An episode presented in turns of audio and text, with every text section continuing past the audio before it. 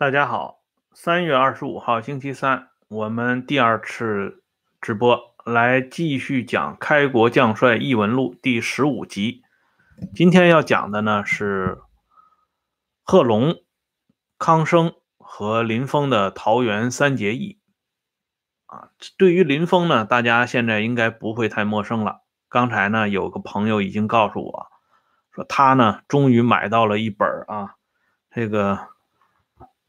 一直以来想买的这本《易林峰》的小册子啊，这本书呢，现在已经从原来的五块八块的，已经炒到七十块钱人民币一本了，就显得这个有点离谱了。我觉得，呃，之前呢，我做过一期节目，就是专门讲这个刘少奇的老秘书林峰啊是如何预测林彪的结局的。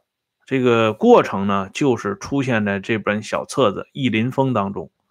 由此呢，我就给大家呢进一步的啊，通过最近在讲解贺龙在如何参与整治彭德怀的过程里边，还有哪些人啊是跃跃欲试、摇旗呐喊，或者是直接啊伸手？这里边呢就要讲到这位原中共中央高级党校校长。林峰，林峰呢，在上一次的节目里边，我给大家展现的是林峰的另一面。这个人呢，在文化大革命里边饱受苦楚啊，因为曾与彭真、彭真啊有过那么一段工作上的联系，被人呢打成了啊与吕正超、彭真搞成桃园三结义，反对林彪。结果呢，在文化大革命里边呢，这林峰啊。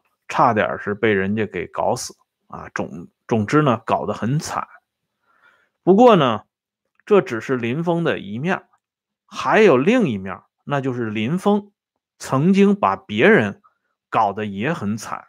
特别是他，他在一九六三年一月初担任中共中央高级党校校长之后，他干的一件大事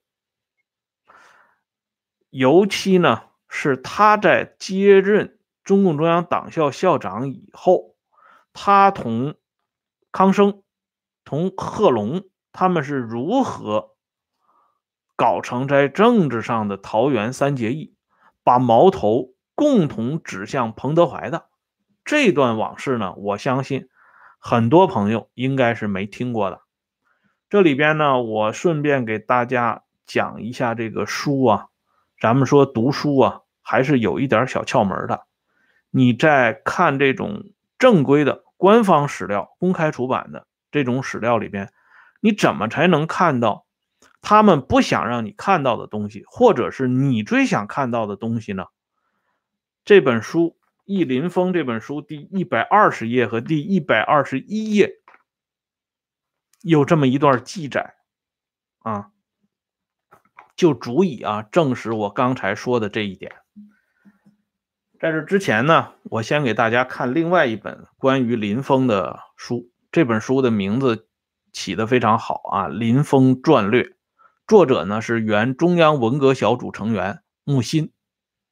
木心在给林峰作传的时候，在这本书的第二百六十三页里边是这样描述林峰的：他说，林峰具有共产党人应有的博大胸怀，对待犯有错误的同志。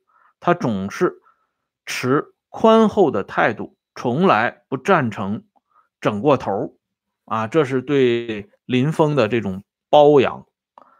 但是呢，我们要挖一下这个结论是不是够准确呢？或者说是不是以偏概全呢？这样呢，我们就从这本《忆林峰》的小册子里面找到了答案。还是刚才说到的页码啊，一百二十页到一百二十一页，这里边呢收录了一篇关山赋的回忆录。关山赋呢曾经在林峰手下供职过，他在一九六四年秋天调入北京，担任哲学社会科学部党组书记、学部副主任。类似于今天的中国社会科学院副院长兼党组书记。这个时候呢，中共中央对如何安排原中央党校校长杨宪珍的工作有一个决定，要把杨宪珍安排到关山附所管理的这个哲学社会科学部来担任哲学研究所副所长，因为这个时候的。中央党校校长杨宪珍已经被列为啊反党集团的啊成员了。说白了呢，他在政治上已经被搞垮了啊。这样呢，给了他一个出处，就是去处吧，让他去到哲学所当副所长，就是降职使用，相当于副厅局级干部，从这个正部级降为副厅局级。关山富呢，就杨宪珍的生活待遇和政治待遇问题，专门写信求教中共中央办公厅主任杨尚昆，同时呢，又向中央党校校长林峰求救。关山富提出的问题是，中央也没有给杨宪珍定是什么分子，我们如何对待他？问号。这时啊，关山富的回忆是这样的啊，这时林峰同志。正言厉色地说：“没有定什么分子，不是有人说他反党和里通外国吗？这个罪名还轻吗？”注意啊，这是关山富引用的林峰当时的原话。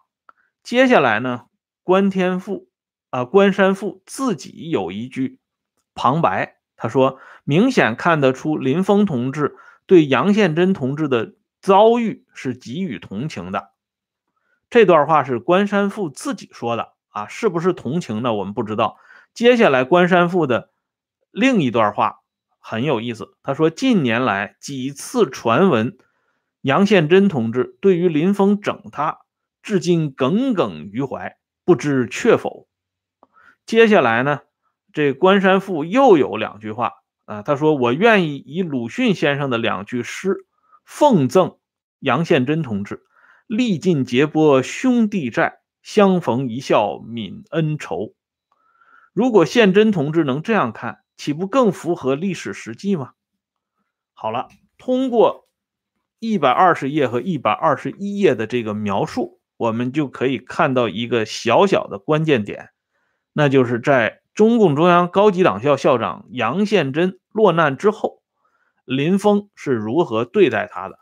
尽管关山富。语焉不详，并且加诸了自己的旁注啊。所谓林峰对杨宪珍给予同情，可是我们仍然能够从这些闪烁其词当中呢，看到林峰整人的痕迹。而仅仅是这样呢还不够，我们还要来看一下中共党史出版社官方修订出版的《杨宪珍传》。在这本《杨宪珍传》里边，为我们讲述了林峰啊鲜为人知的另一面。时间是一九六五年三月，中央党校起草了中共中央高级党校校委会关于杨宪珍问题的报告。为了把杨宪珍打倒，永远不得翻身，对报告进行多次讨论，至。斟句酌，反复推敲。四月五号，中央党校主要负责人召开了一个有杨宪珍参加的小型座谈会，给杨宪珍列举十大罪状。杨宪珍非常气愤，会上一言不发。这里所说的啊，这本传记里边所说的中央党校主要负责人，指的就是林峰。而在这份报告里边，不仅罗列了杨宪珍十十大罪状，而且呢，这个报告的结论是杨宪珍态度一直很坏，毫无悔改之意，至今仍不回头，建议中央撤销他的中央高级党校副校长和校委委员职务。给杨宪珍罗列的罪状非常可怕啊，首先就说。杨宪珍反对毛泽东思想，啊，这就已经是啊最十恶不赦的这个罪名了。而这些罪名呢，都是出自于林峰之手。换句话说呢，关山富的那段回忆一点都没说错，只不过关山富一厢情愿的认为杨宪珍通过阅读鲁迅的那两首诗啊，就能够化解他和林峰之间的旧日恩怨，实在是过于天真了。因为林峰在接任中央党校校长之后呢。他对杨宪珍的整治，那实在是啊，太过分了啊！这过分到什么程度呢？这里呢，我就要简单的来叙述一下这个过程。至于整个的啊整治杨宪珍的这个故事呢，我要专门辟一个章节来讲毛泽东、康生在中央党校的排兵布阵。毛泽东为什么？把林峰调到中央党校来当校长呢？因为在林峰之前呢是杨宪珍，杨宪珍之后呢是中央监察委员会的副书记，有王崇武啊，是薄一波的老战友。为什么把林峰调过来呢？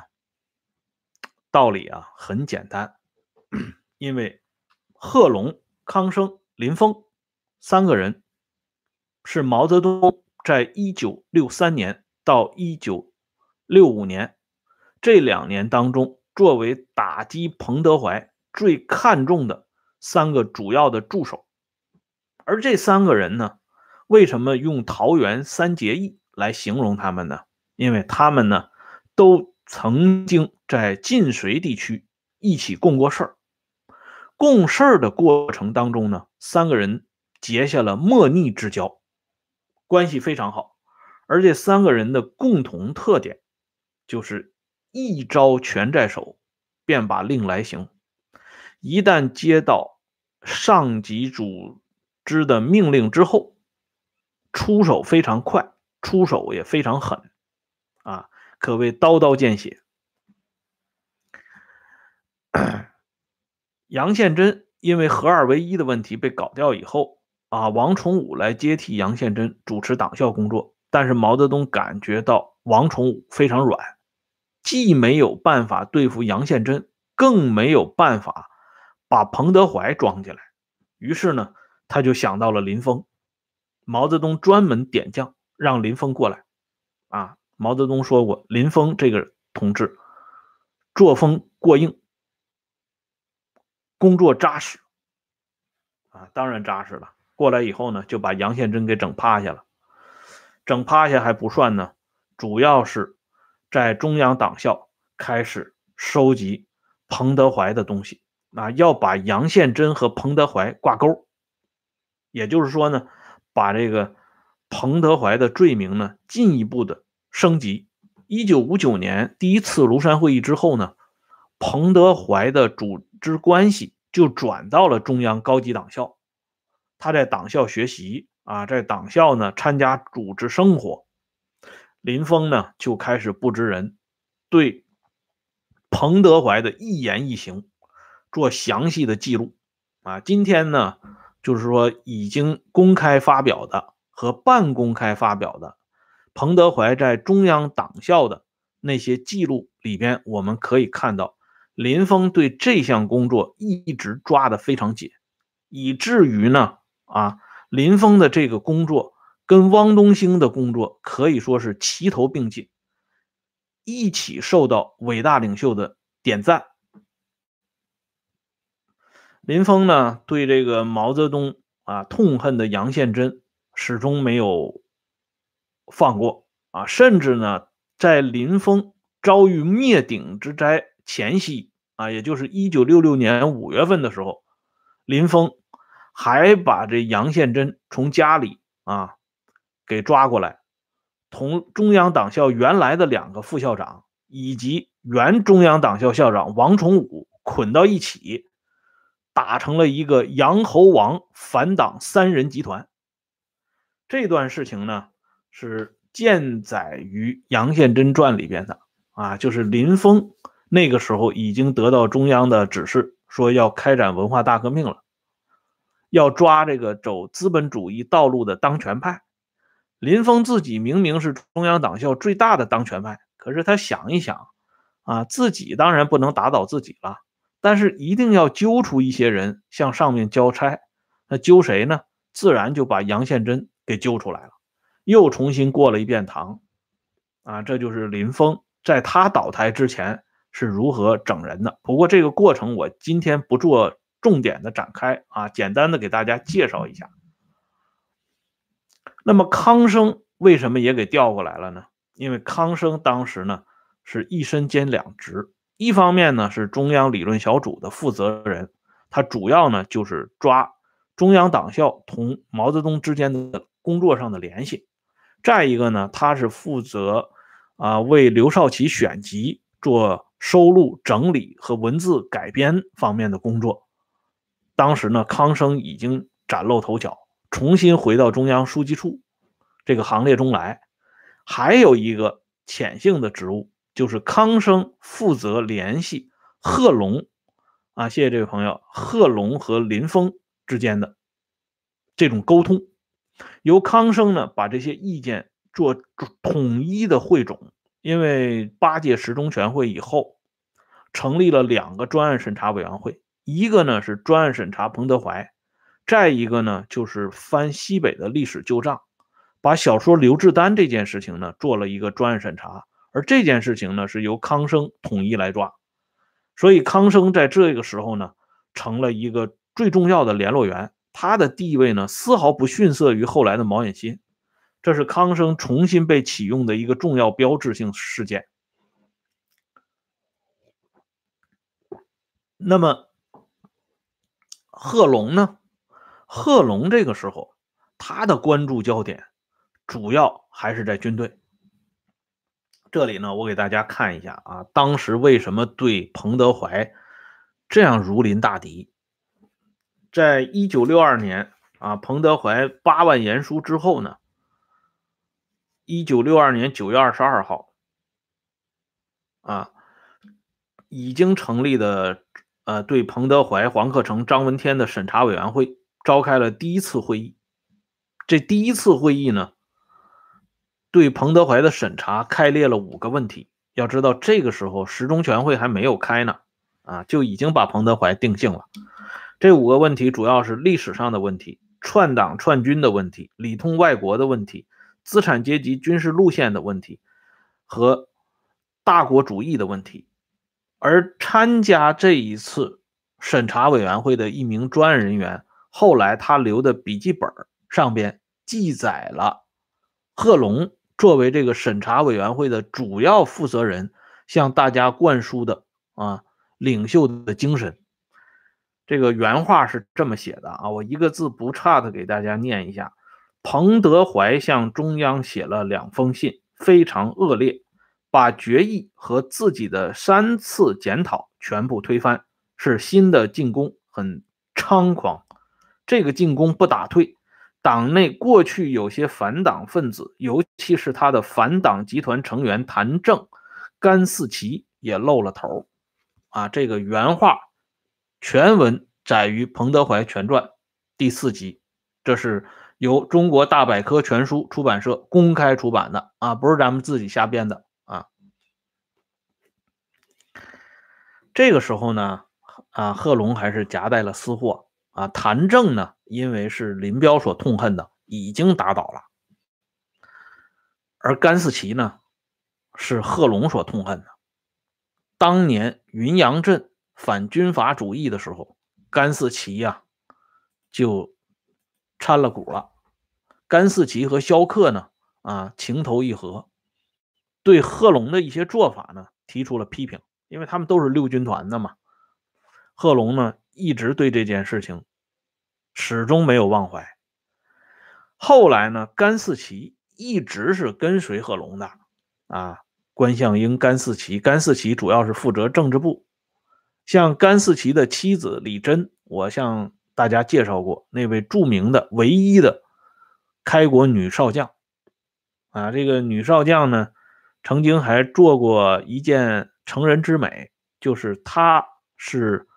撮合余秋里和他的老伴刘树阁的牵线人，说白了呢，余秋里能够找到啊，一个呃高级知识分子，当时就算高级知识分子了，高中毕业啊，这么一个知识分子刘树阁，这么一个女学生，多亏这李真的帮忙啊，李真呢把这个断臂将军余秋里介绍给了这个参加革命的女女学生刘树阁，两个人结成百年之好。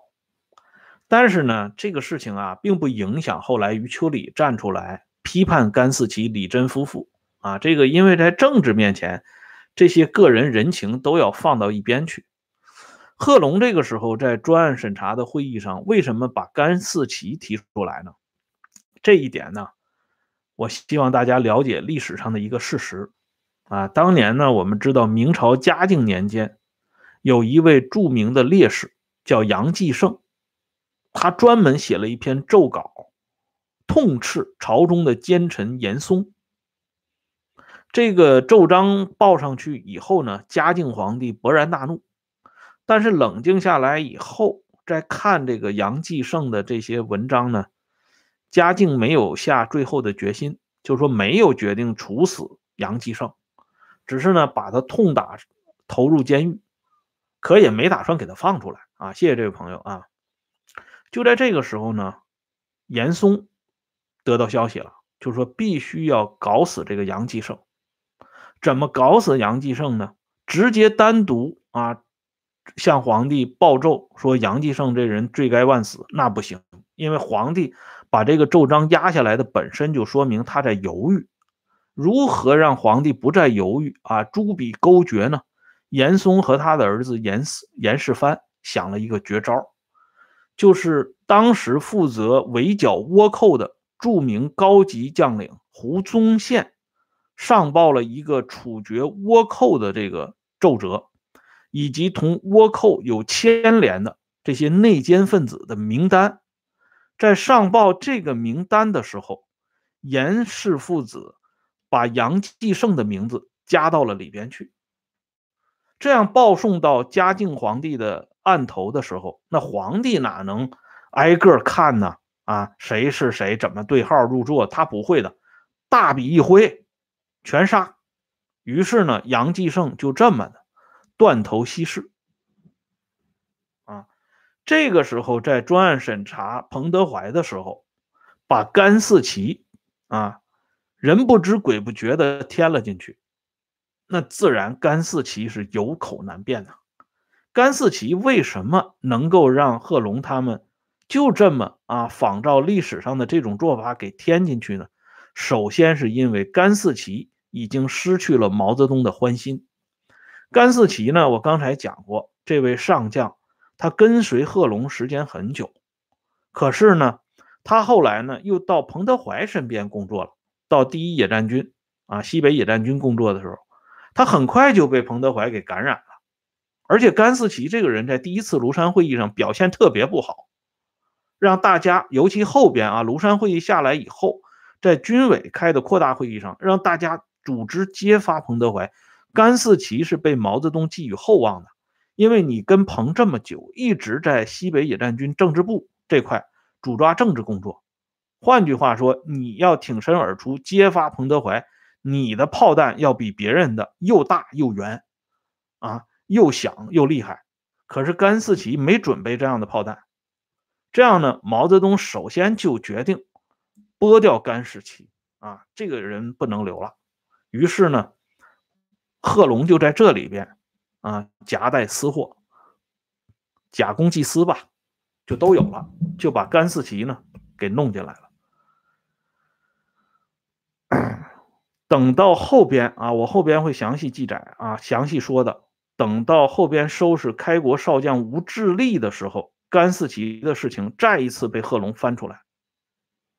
哎，这是后话，我会在下边的节目呢给大家详述。贺龙呢对彭德怀的这个追究呢，这是一方面，还有一个呢就是昨天我们念的那首词啊，就是湘潭的上马公社青光大队的这个社员彭志坚对。彭德怀呢，这个念念不忘，中和这些人啊，民间也好啊，基层也好，甚至中层高层都有彭德怀的粉丝，而且随着这个大跃进的失败的不断的深入，啊，让人们越来越感觉到彭德怀当初发出的那一声声的怒吼，真的是为大家好。于是呢，对彭德怀的迫害就开始升级了。汪东兴要求啊，在一九六四年，当时呢，啊，要求中央警卫部队监视彭德怀的警卫排的战士，啊，对哨兵的记录汇报要有如下内容：第一，彭德怀的言论和行动表现；第二，外出时间、地点。第三，来客来信。第四，工作人员的情况，每星期日下午写报告。到了十一月二号，啊，由汪东兴亲自安排的洪湖籍的警卫排排长，新到任的警卫排排长，在新警卫登记簿的扉页上写道：“我们的主要任务就是保证彭德怀的安全。”不要让他跑了，啊，这是原话。而还有一件事情更值得大家注意啊，就是一九六四年十二月二十号到一九六五年一月四号，第三届全国人民代表大会第一次会议在北京召开。这次会议的一个重要议程就是撤销彭德怀国务院副总理和国防部部长的职务。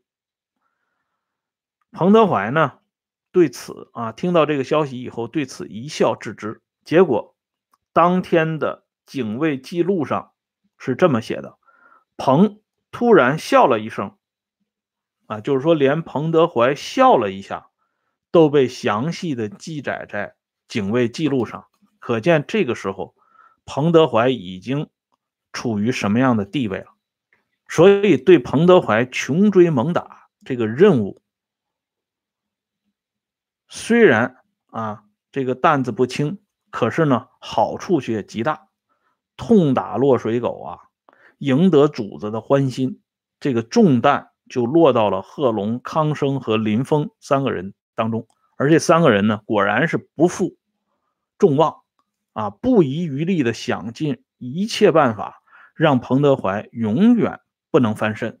其中呢，贺龙就把这个目光。直接对准了军队，抓到了一个重要的节点，就是少将吴自立为什么担纲电影《怒潮》的编剧？